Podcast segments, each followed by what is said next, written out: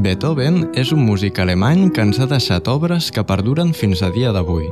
Però què hi té a veure amb la ciència? Per què comencem l'episodi amb ell?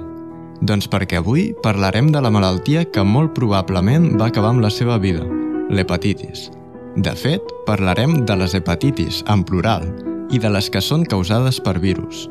Són malalties que afecten el fetge i que en molts casos no es diagnostiquen, ja sigui perquè la persona no presenta símptomes o perquè es poden associar amb altres malalties. En aquest episodi farem un repàs de les hepatitis víriques i posarem especial atenció en el seu diagnòstic. Un bri de ciència, el podcast de ciència de l'Institut de Recerca Germans Trias i Pujol.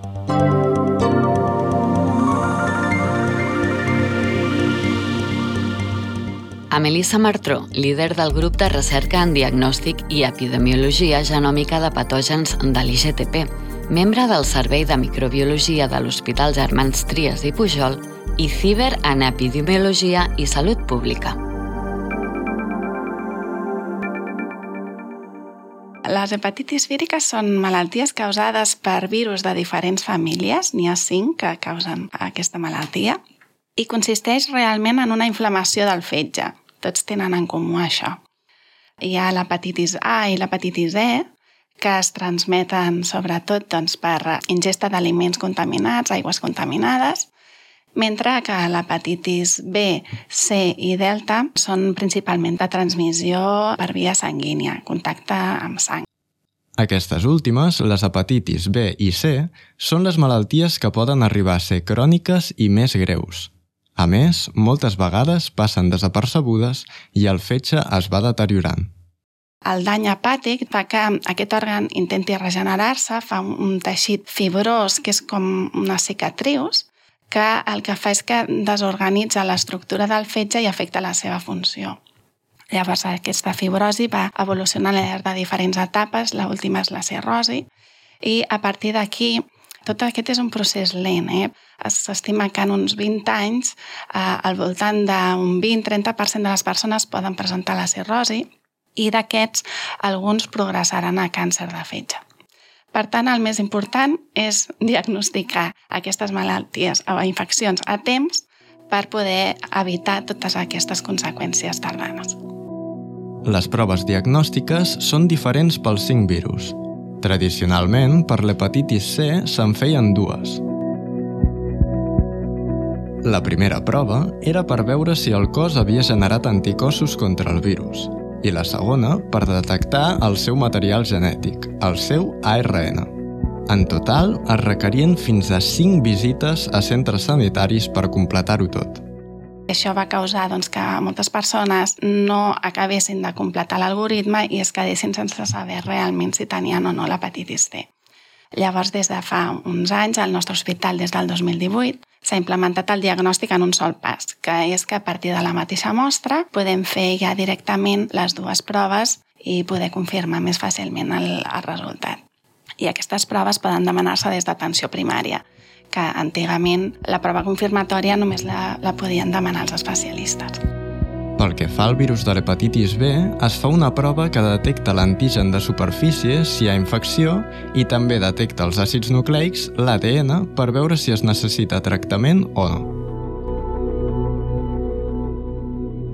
El més important és que en els últims anys aquest diagnòstic que sempre s'ha fet en els hospitals o laboratoris a nivell centralitzat ha anat passant a poc a poc eh, mitjançant proves en el punt d'atenció cap a l'ambient comunitari més a prop dels pacients. I és que aquests pacients normalment pertanyen a algun grup de la població concret. Per exemple, per edats, les persones nascudes entre els anys 50 i 70 són les que tenen més prevalença d'hepatitis C.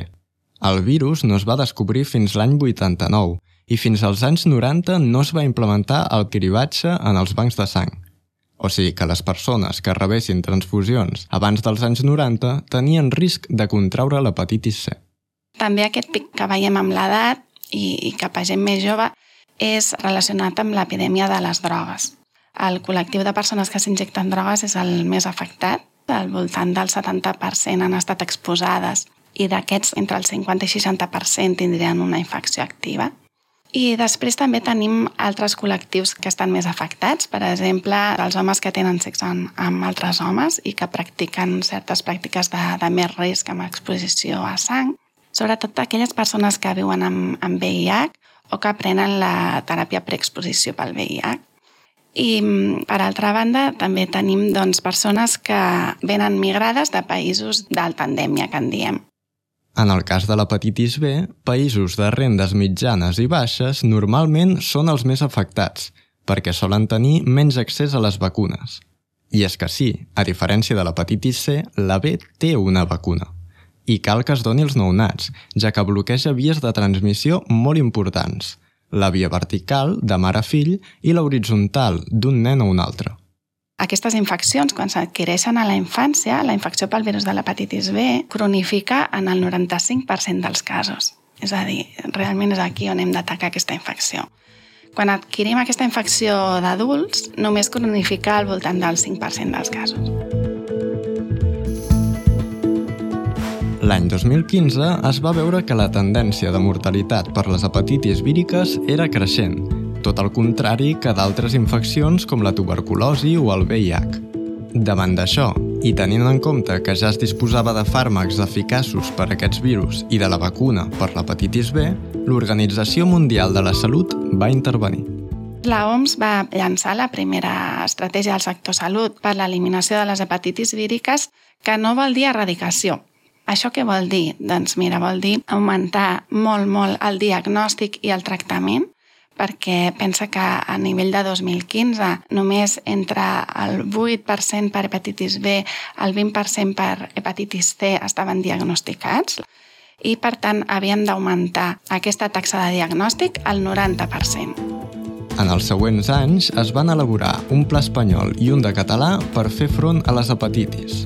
L'ELISA va participar en el Pla de Prevenció i Control de l'Hepatitis C a Catalunya.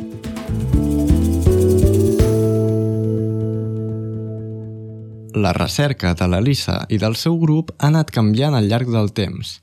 Primer, s'enfocava a predir la resposta al tractament de l'hepatitis C, però com que va arribar un moment on ja es curaven la gran majoria de pacients i els tractaments eren més curts i ben tolerats, van reorientar-la a una altra part molt rellevant, millorar el diagnòstic. És a dir, intentar trobar els afectats per poder donar-los el tractament i que es curin. El grup treballa a dos nivells, des del servei de microbiologia de l'hospital i des de fora. A l'hospital hi tenen en marxa dos grans projectes. El primer projecte que us vull comentar és un projecte en el qual hem pogut, a partir de les dades que disposa l'hospital, tirar enrere 10 anys i identificar persones que tenien un diagnòstic d'hepatitis C, però que per qualsevol motiu no s'havien arribat a tractar hem pogut, eh, en col·laboració amb la unitat de patologia, la doctora Morelles del nostre hospital, doncs contactar totes aquestes persones per poder vincular-les de nou al sistema sanitari i poder administrar-los al tractament. Justament, una persona que no es va diagnosticar en el seu moment és la tieta de l'Elisa. A finals dels 80 la van atropellar i va necessitar transfusions de sang. El que passa és que encara no es coneixia el virus, Gràcies a programes per recuperar pacients que no havien completat els algoritmes diagnòstics, li van detectar el virus de l'hepatitis C als 77 anys i va rebre el tractament.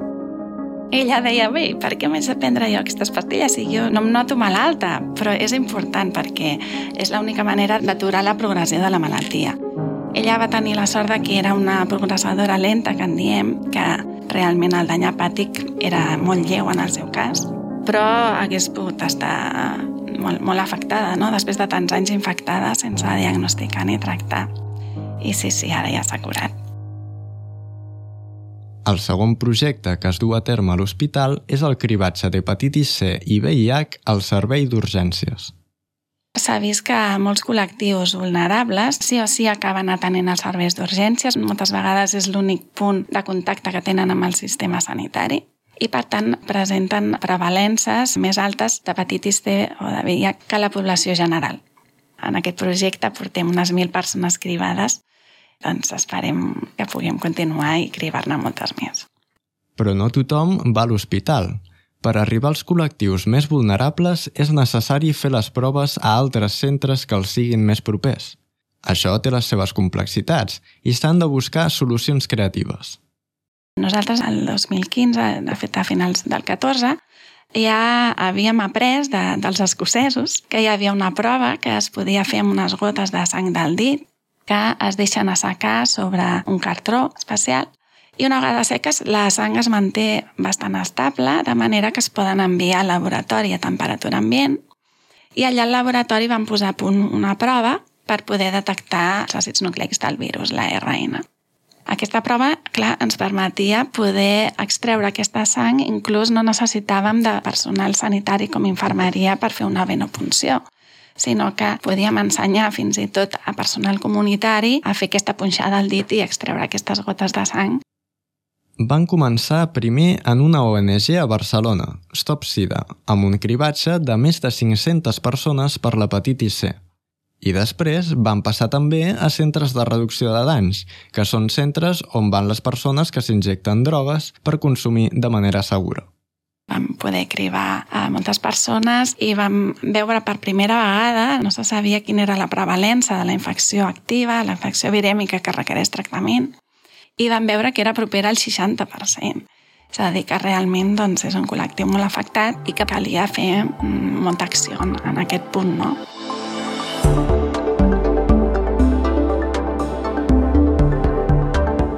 L'any 2018 va sortir la primera prova Point of Care, o en el punt d'atenció, que permet detectar l'ARN del virus de l'hepatitis C i obtenir els resultats en només una hora.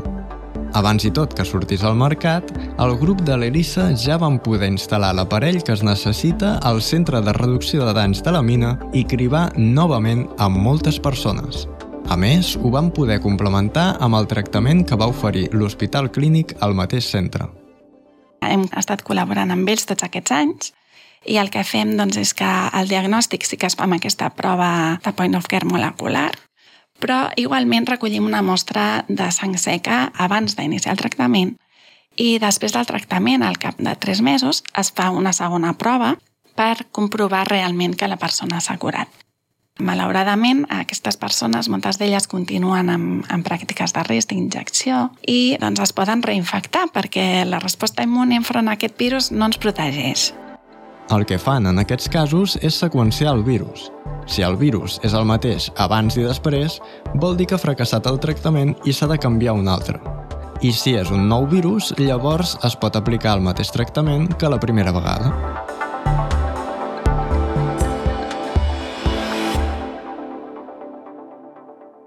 Una altra població de les més afectades són les persones migrants que venen de països amb una alta prevalença, per exemple, de Pakistan o de Senegal. El 2018, el grup de l'IGTP i la Unitat de Salut Internacional de Drassanes van iniciar un programa pilot d'accions educatives sobre les hepatitis en aquesta comunitat, fent després un cribatge i derivació al tractament. L'equip de Drassanes explicava als migrants què són les hepatitis, com es transmeten o els tractaments que hi ha, fent servir una eina interactiva, l'Eperjoc. Això després facilitava que acceptessin fer-se una prova ràpida i una recollida de sang seca allà mateix, a càrrec de l'equip de l'Elisa. Tot això ha donat peu també a que, des de l'Agència de Salut Pública de Catalunya, amb la qual sempre hem col·laborat molt a prop, doncs hagin pogut extendre aquest pilot també a altres regions, com a Lleida, Tarragona i altres de Barcelona, també a altres col·lectius immigrants, no? d'immigrants d'altres països. I bueno, ha estat un, un èxit, no? ja hem pogut cribar més d'un miler de persones i estem molt contents amb els resultats. Resumint, des del 2015 el grup de l'Elisa ha fet el cribatge i derivació al tractament de més de 3.500 persones de diferents poblacions vulnerables per l'hepatitis C. Aproximadament la meitat també han estat cribades pel virus de l'hepatitis B o pel VIH. Tot això ha estat possible gràcies a noves eines diagnòstiques i estratègies pioneres al país i reconegudes a nivell nacional i internacional. Però, i ara què? Quin serà el futur del grup? I el de l'hepatitis? Penso que no està lluny l'eliminació en els criteris que estableix la OMS aquí a, a Catalunya i bueno, poder viure-ho en primera persona doncs serà tot un honor i esperem doncs, poder-ho veure. Però, per altra banda, sempre hem tingut altres línies de recerca amb altres patògens importants a nivell clínic i de salut pública.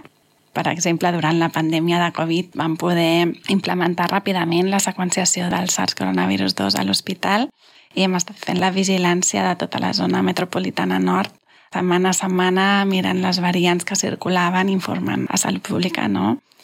i per altra banda també amb, amb patògens tan relevants com els que causen la tuberculosi, no? que una mica era el, el tema de, del meu màster i he tornat com als orígens. Per acabar, l'Elisa ha volgut remarcar la importància de col·laborar amb altres grups. Al campus de Can Ruti tenim l'ocasió de col·laborar de manera multidisciplinar amb molts bons professionals. No? Nosaltres sempre hem col·laborat de manera molt estreta amb els epidemiòlegs del CEISCAT en el CIT del Ciber d'Epidemiologia i Salut Pública, del qual formem part. També hem col·laborat estretament amb els clínics, sobretot els hepatòlegs, també farmàcia de l'hospital, bueno, molts, molts dels serveis. I realment també doncs, amb, amb recerca més bàsica, no? que per exemple doncs, porten a terme a l'IRC Caixa. Realment tenim l'ocasió d'un campus divers que ens permet afrontar problemes en salut des de tots els seus punts de vista i per tant plantejar solucions molt més eficaces. I per tant, doncs, bueno, és un bon campus.